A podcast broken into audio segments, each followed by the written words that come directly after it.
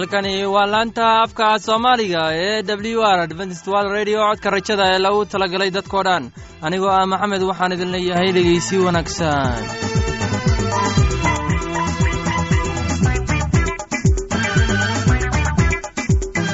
barnaamijyadeena maanta waa laba qaybood. Qaybta koowaad waxaad ku maqli doontaan barnaamijka caafimaadka. Uu inoo soo jeedinaya shiino. Kadib waxaa inoo raacaya cashar inaga imaanaya bugga nolosha. Uu inoo soo jeedin doona cabdulaahi labadaasi barnaamij ee xiisaha leh waxaa inoo dheer. Heese daabacsan oo aynu idiin soo xulinay kuwaas aynu filayno inaad ka heli doontaan. Dhegeystayaasheenna qiimaha iyo khadradda lahow waxaynu kaa codsanaynaa inaad barnaamijkeenna si habboon u dhegeysataan haddii aad wax su'aalaha qabto ama aad haysid wax tala ama tusaale fadlan inala soo xiriir dib ayaynu kaga sheegi doonaa ciwaankeenna. Bal intaynan u gudagalin barnaamijyadeena xiisaha leh waxaad marka hore ku soo dhowaataan heestan daabacsan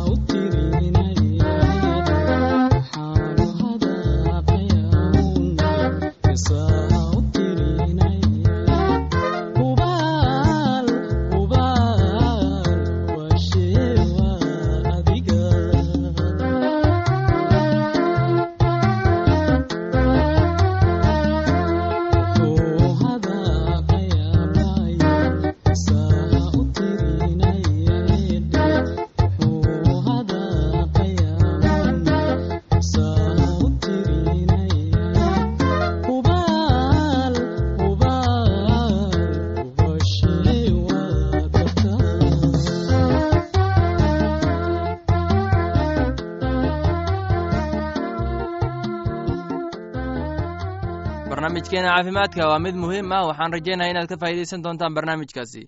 Barnaamijku wuxuu ka hadli doonaa calaamadaha riixda naasaha waxaana inoo soo jeedinaya shiino ee dhegeysi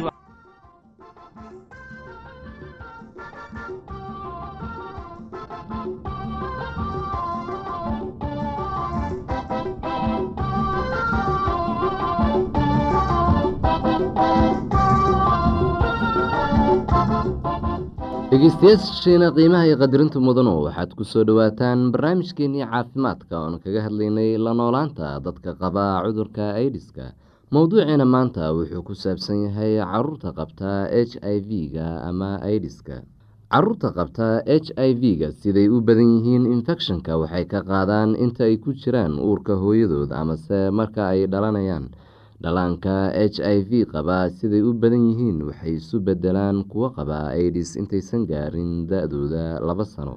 Qaarkoodse waxay ahaadaan kuwo caafimaad qaba ilaa intay gaarayaan lix sano. Caruurta h i v ama aidis qabta waxay u baahan yihiin kalgacayl iyo daryeelid cunto nafaqo leh jawi saxadiisu wanaagsan tahay. Waa in takhtar loo geeyaa marka ay xanuunsadaan carruurta halis ma aha haddii la xambaaro ama laysu duubo carruurta qabta h i v-ga ama aidiska h i v kuma faafo carruurta kaadidooda caliyadooda saxaradooda ama matagooda. Cunug h i v qaba uma gudbin karo infecshonka haddii uu kuwa kale la cayaarayo ama uu la qeybsado waxyaabaha ay caruurtu ku cayaarto caanaha naaska hooyada waa cuntada ugu wanaagsan ee dhallaanka. Waxay ka ilaaliyaan dhallaanka shubanka iyo cuduro badan oo kale. Naasnuujintu waa muhiim. Haddii ay hooyadu ama dhallaanku ama labadooduba qabaan h i v haddii aysan hooyadu aada u xanuunsanayn talaalku aada ayuu muhiim u yahay. Haddii cunugaagu qabo h i v ama aidis waa la talaali karaa waalid h i v ama aidis qaba ayaa qabi karaa carruur saxadoodu wanaagsan tahay. Waayo waxay noqon karaan carruur dhalatay ka hor inta aysan hooyadu qaadin h i v ama waxay noqon karaan kuwo dhashay nasiib wanaag kadib markii h i v haleelay hooyadu. Caruurta saxadoodu wanaagsan tahay waxay u baahan yihiin kalgacayl fara badan mid amase labada waalid ah waa dhimanayaan shaki la'aan waxay noqonayaan agoon. Waalidiinta h i v ama aidis qaba waxay caawimi karaan caruurtooda saxada wanaagsan haddii ay waqtigooda siiyaan iyagoo u daryeelaya hogaaminayana ay u sameynayaan rajo. Haddii ay mustaqbalka u hogaamiyaan sidii qaraabadooda ay u daryeeli lahaayeen ama ay u hagaajiyaan mustaqbalka sidii loo bixin lahaa lacagta ujuurada dugsiga haddii ay suurtagal tahay. Waa inaa hantidaada u ilaalisaa caruurtaada iyo qoyskaaga ka hor intaadan dhiman. Qaraabada iyo kuway qusayso oo ka mid ah bulshada waa inay ku dhaqaaqaan u daryeelidda carruurta qabta aidiska hay'ado badan baa jira oo u gargaara laakiinse mas'uuliyadda oo dil dusha iskama saaraan. Dadka waa inay ogaadaan inaysan qaadayn h i v marka ay bixinayaan dhiig laakiinse haddaad og tahay inaad h i v qabtid waa inaadan dhiig bixin. Maxaa wacay? Kadib markii la baaro ayaa la qubayaa. Laakiinse haddaad qabtid h i v ama aidis oo aada u baahato dhiig waxaa ka heli kartaa dhiig la soo baaray oo laga soo miiray dad aan h i v qabin. Dadka qaba h i v ama aidis qaarkood waxay aaminsan yihiin in daawo soomaaligu lagu daaweyn karo qaar ka mid ah xanuunyada aidisku sababo. Tusaale ahaan dadka qaarkood waxay dhahaan daawada waxaa loo isticmaali karaa cuncunka daawo geedoodka qaarkood waa qaali. Waxaa ku roon inaad lacagtaada ku iibsatid cunto nafaqo leh iyo waxyaabo munaafac leh. Xusuuso dhakhaatiir dhaqameed jeermiga kama nadiifiyaan sakiimada ay isticmaalayaan. Tan waxaa laga qaadi karaa h i v. H i v ama aidis sababta keentaa ma aha sixir iyo waxyaabo la mid ah. Sidaa awgeed ma jiro sixirow daaweyn karaa u tegidda sixirooygu waxay ahaan kartaa qarash fara badan. Waxaa kaa khasaaraya oo keliya lacag fara badan adigoon ka helayn wax caawimaad ah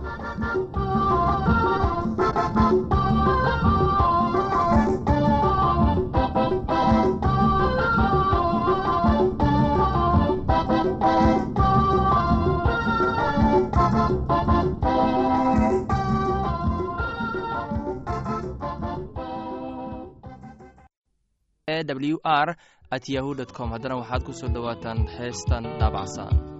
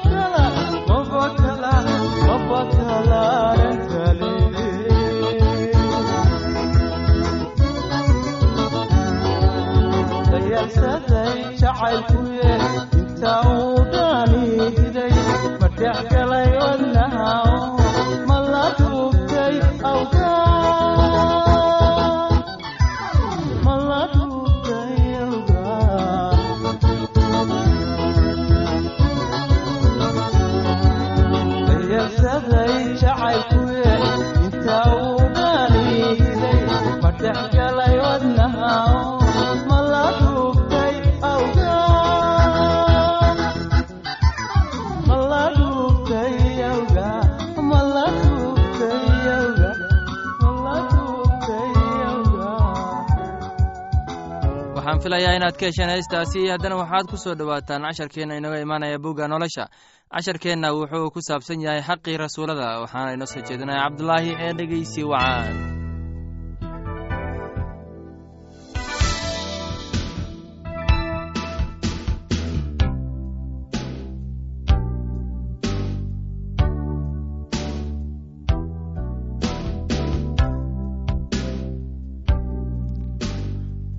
maantana dhegaystayaasheenna sharafta lahow waxaynu eegaynaa wixii rasuulkii xaqiisu ahaa ee uu sii daayey miyaanad xor ahayn miyaanan rasuul ahayn miyaanan arkin rabbigeenna ciise miyaydnan ahayn shuqulkayga xagga rabbiga.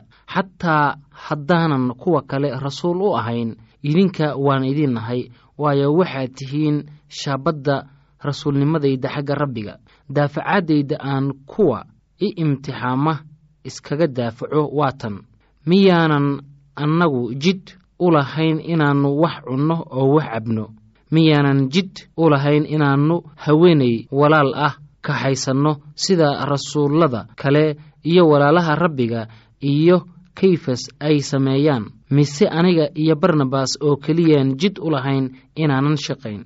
Askarigee baa kharashkiisa weligiis iska bixiya. Yaa beer canab ah beera oo aan midhaheeda cunin.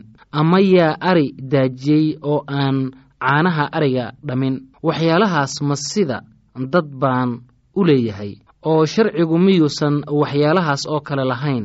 Waayo waxaa ku qoran sharciga muuse. Waa inaadan dibiga af xirin markuu sarreenka burburinayo ma ilaah baa dibiyada oo keliya dhowra mise innagoo dhan buu inoola jeeda. Hubaal aawadeen baa loo qoray waayo kan beerta qodaa waa inuu rajo ku qodo kan tumaana waa inuu tumo isagoo rajaynaya inuu wax qayb u helo. Haddaannu idinku beernay waxyaalaha ruuxa ma wax weyn baa haddaannu waxyaalaha jidhka idinka urursanno qaar kale hadday waxaas jid idinku leeyihiin miyaanan annagu si ka badan idinku lahayn. Hase ahaatee waxaan noo jidka ah kuma aannu isticmaalin laakiin wax walba waannu u dulqaadannaa inaanan sina u joojin injiilka masiix. Miyaydnan ogeyn kuwa waxyaalaha quduuska ah ka shaqeeya inay macbudka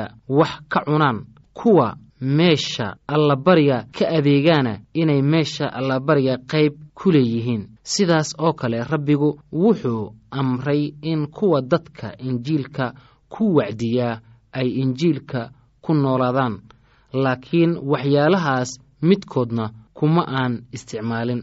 Haddana waxyaalahan u qori maayo in sidaas la ii yeelo waayo waxaa ii roon inaan dhinto intii nin uun faankayga ka dhigi lahaa wax aan ka jirin. Waayo haddaan dadka injiilka ku wacdiyo wax aan ku faano ma aha. Waayo wax baa i qasbaya. Maxaa yeelay waa ii hoog haddaanan dadka injiilka ku wacdigin. Waayo haddaan waxaas ku sameeyo doonistayda aawadeed abaalgud baan helayaa. Laakiin haddaanan doonistayda ku samayn weli wakiilnimo baa laygu aaminay. Haddaba abaalgudkaygu waa maxay?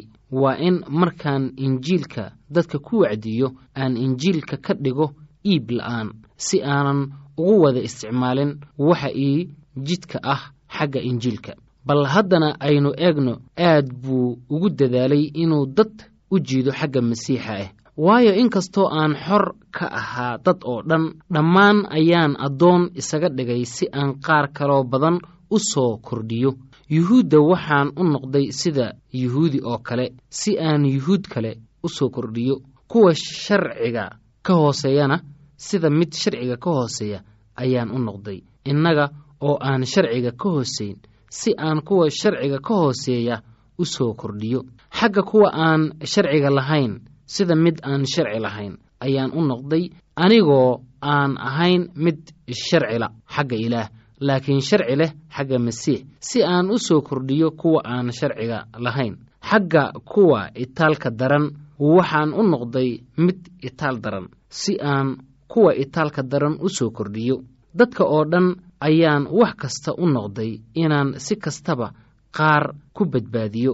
Wax kasta waxaan u sameeyaa injiilka aawadiis si aan u noqdo mid injiilka la qaybsada iyaga bal haddana aynu eegno dadaalka loo baahan yahay si loo lib helo. Miyaanad ogeyn in kuwa tartan ku ordaa ay wada ordaan laakiin mid uunbaa dheefa hela.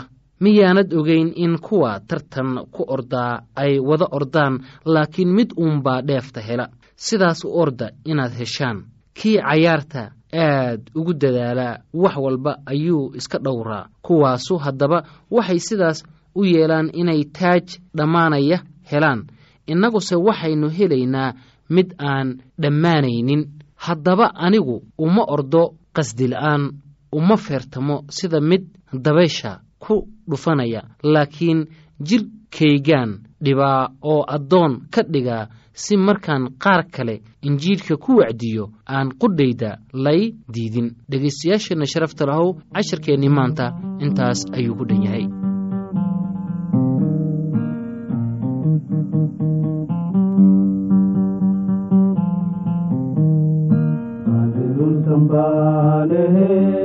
waa inaan badbaado helaa baadilun sambaanehe waa inaan badbaado helaa badbaado helaa badbaado helaa baadilun sambaanehe waa inaan badbaado helaa babarku kabaanehe waa inaad bogsiin helaa barbarku kabaanehe waa inaan bogsiin helaa bogsiin helaa bogsiin helaa barbarku kabaanehe waa inaan bogsiin helaa barar baxsadaanehe waa inaan bixiya helaa barar baxsadaanehe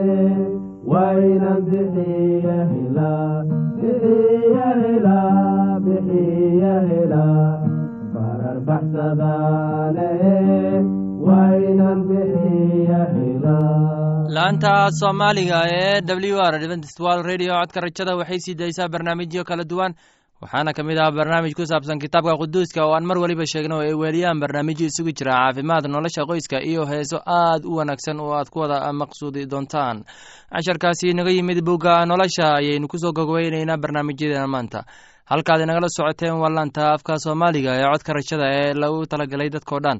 Haddaba haddii aad doonayso inaad wax ka korsato barnaamijka caafimaadka barnaamijka nolosha qoyska ama aad doonayso inaad wax ka barato bugga nolosha fadlan inala soo xiriir ciwaankeenna waa codka rajada sanduuqa boostada afar laba laba todoba lix nairobi kenya. Mar labaad ciwaankeenna waa codka rajada sanduuqa boostada afar laba laba todoba lix nairobi kenya. Waxaa kaloo inagala soo xiriiri kartaan emeilka somali e w r at yahu dt com. Mar labaad emeilka waa somali e w r at yahu dt com.